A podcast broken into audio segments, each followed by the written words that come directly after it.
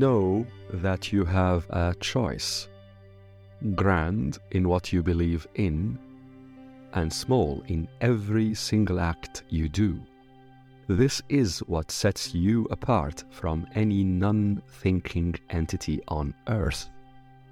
Your thinking is mostly chatter, which is not thinking.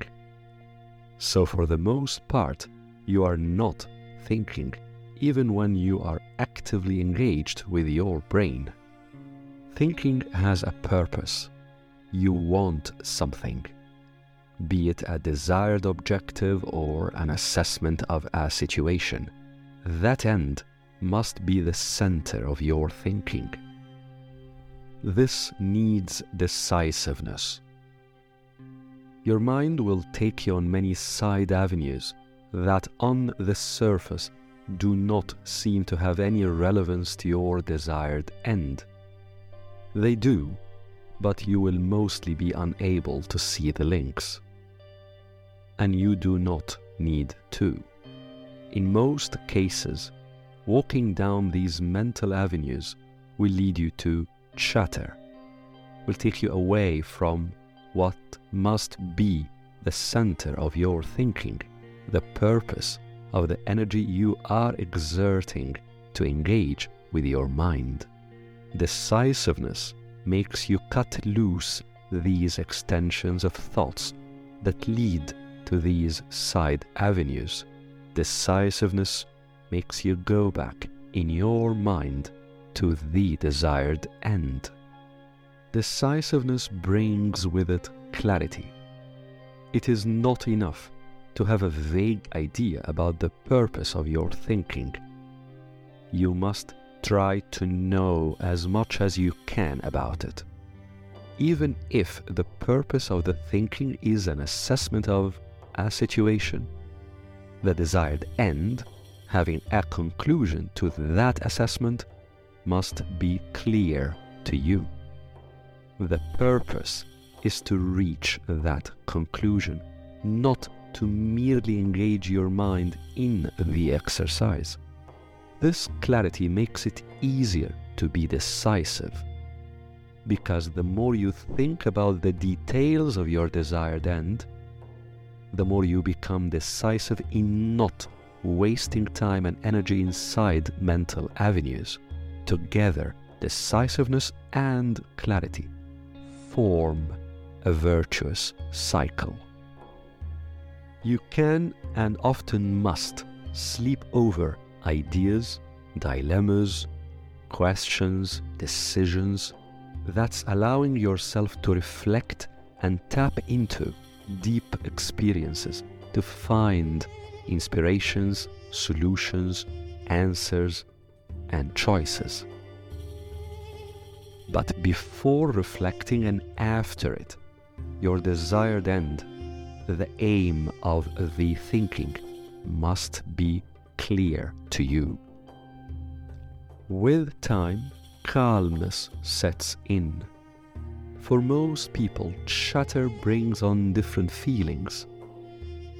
If one goes into a mental avenue full of pleasurable thoughts, one gets joy from the distraction. If the chatter leads to fears, of which we have many in various forms, the feelings that flood the thinking process entail anxieties. Both the joy and the anxiety are side tracks. At best, they waste energy. At worst, they lead to paralysis, often disguised as analysis.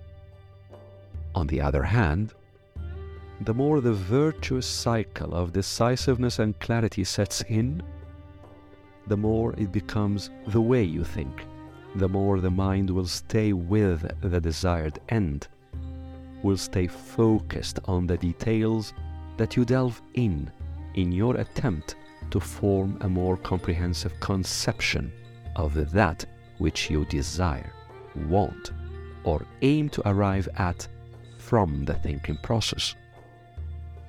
Calmness adds tremendous value to the thinking process because it conserves energy.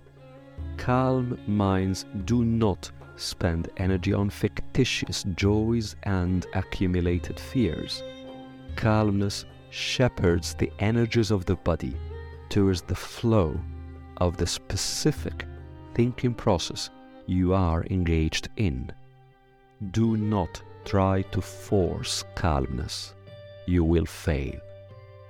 It is a product of thinking that is decisive, clear, and sustained.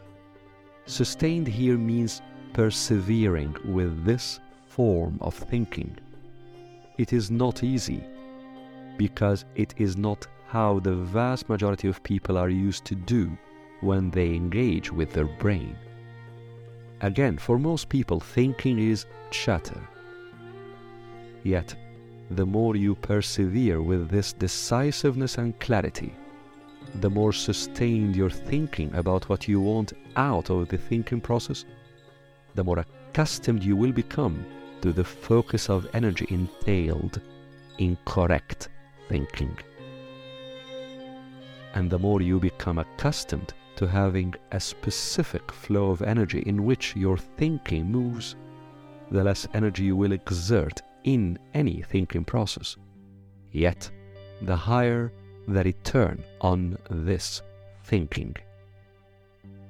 Basically, the more accustomed you become to this mental focus, the more normal this way of thinking becomes to you.